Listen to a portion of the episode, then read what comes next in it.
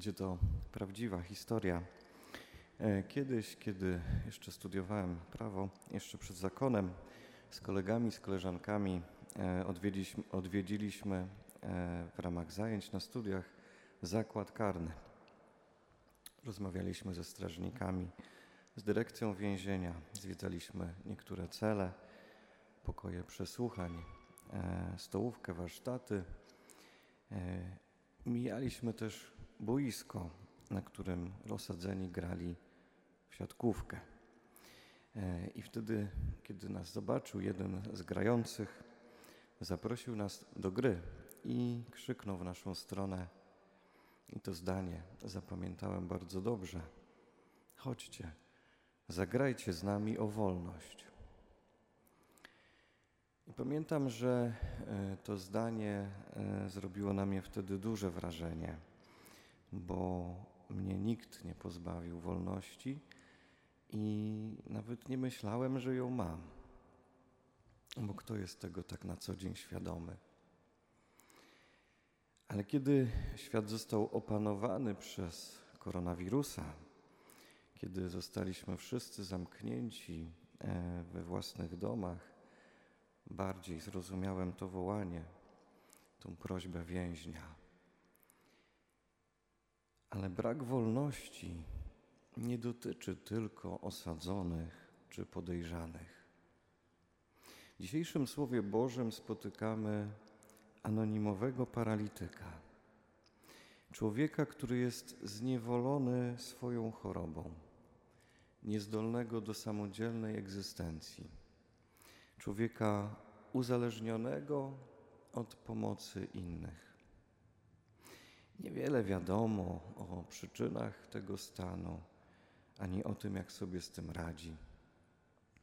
Na szczęście ten sparaliżowany człowiek nie jest sam. Znajdują się ludzie, którzy chcą mu pomóc, którzy poświęcają mu swój czas, energię.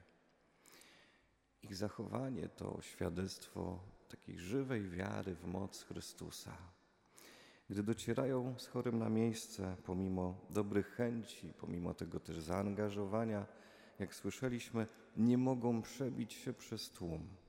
Jest duży tłok, ale nie tracą nadziei.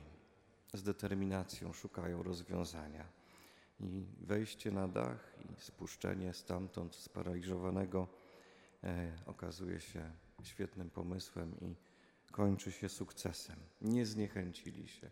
Stał się cud. Chory odzyskuje zdrowie. I dzięki tej ludzkiej determinacji, dzięki woli Jezusa, paralityk usłyszał: Wstań, weź swoje łoże i już sam idź do domu. Bez wątpienia, paralityk, dopóki był spętany chorobą, dopóty był pozbawiony wolności.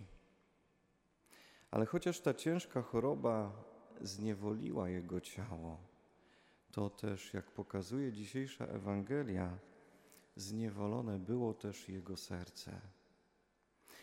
Tymi pętami wiążącymi to serce był grzech. W Ewangelii Świętego Jana w rozdziale ósmym znajdziemy takie słowa: Każdy, kto popełnia grzech, jest niewolnikiem grzechu. Jeżeli więc Syn was wyzwoli, wówczas będziecie rzeczywiście wolni. Jestem pewny, że w tym kościele nie ma nikogo, kto by tego nie doświadczył. Każdy z nas stał się kiedyś i ciągle się może stać niewolnikiem grzechu. Każdy z nas może ulec pokusie i złudzie wolności, jaką daje grzech. Jest właśnie też pewien paradoks, że często grzech, który jakoś uwodząco zapowiada nam swobodę, ostatecznie zabiera nam wolność, unieruchamia nas, staje się jarzmem, które ogranicza nas i paraliżuje. Tak jakbyśmy na własne życzenie zapadali w duchowy paraliż serca, może znacznie trudniejszy do wyleczenia niż ten fizyczny. Grzech chociaż jest nicością, czyli brakiem, brakiem pełni, brakiem miłości, brakiem Boga, staje się także brzemieniem i sprawia, że stajemy się niewolnikami, więźniami. Czego to słowo chce nas dzisiaj nauczyć? Co Jezus chce nam dzisiaj pokazać? Bóg działa poza naszymi schematami. W sposób niestandardowy, nieprzewidywalny, nieujarzmiony. I On może znaleźć sposób, by do nas dotrzeć, tak jak dotarł do tego człowieka Jezus. I tylko Chrystus jest też doskonałym lekarzem i ma moc i władzę uzdrawiania z każdego rodzaju niewoli, w jaką popadamy. Cóż jest łatwiej powiedzieć? Odpuszczają ci się Twoje grzechy, czy powiedzieć wstań i chodź?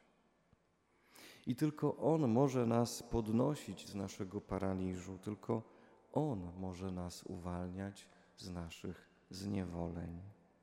Przed Ewangelią zaśpiewaliśmy: Oto przyjdzie król, Pan ziemi i zdejmie z nas jarzmo niewoli. I to jest rzeczywistość, której wszyscy oczekujemy. To jest też konkret trwającego Adwentu.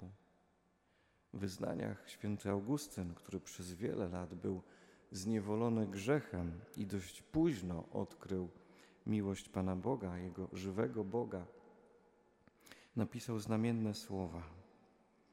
Ty wszystkich, których napełniasz, dźwigasz ku górze, ponieważ jeszcze nie jestem pełen Ciebie, jestem dla siebie brzemieniem.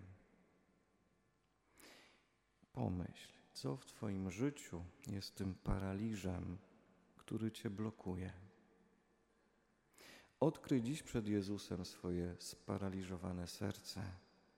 Jest to konieczne, byś był prawdziwie wolny i przestał być brzemieniem dla samego siebie.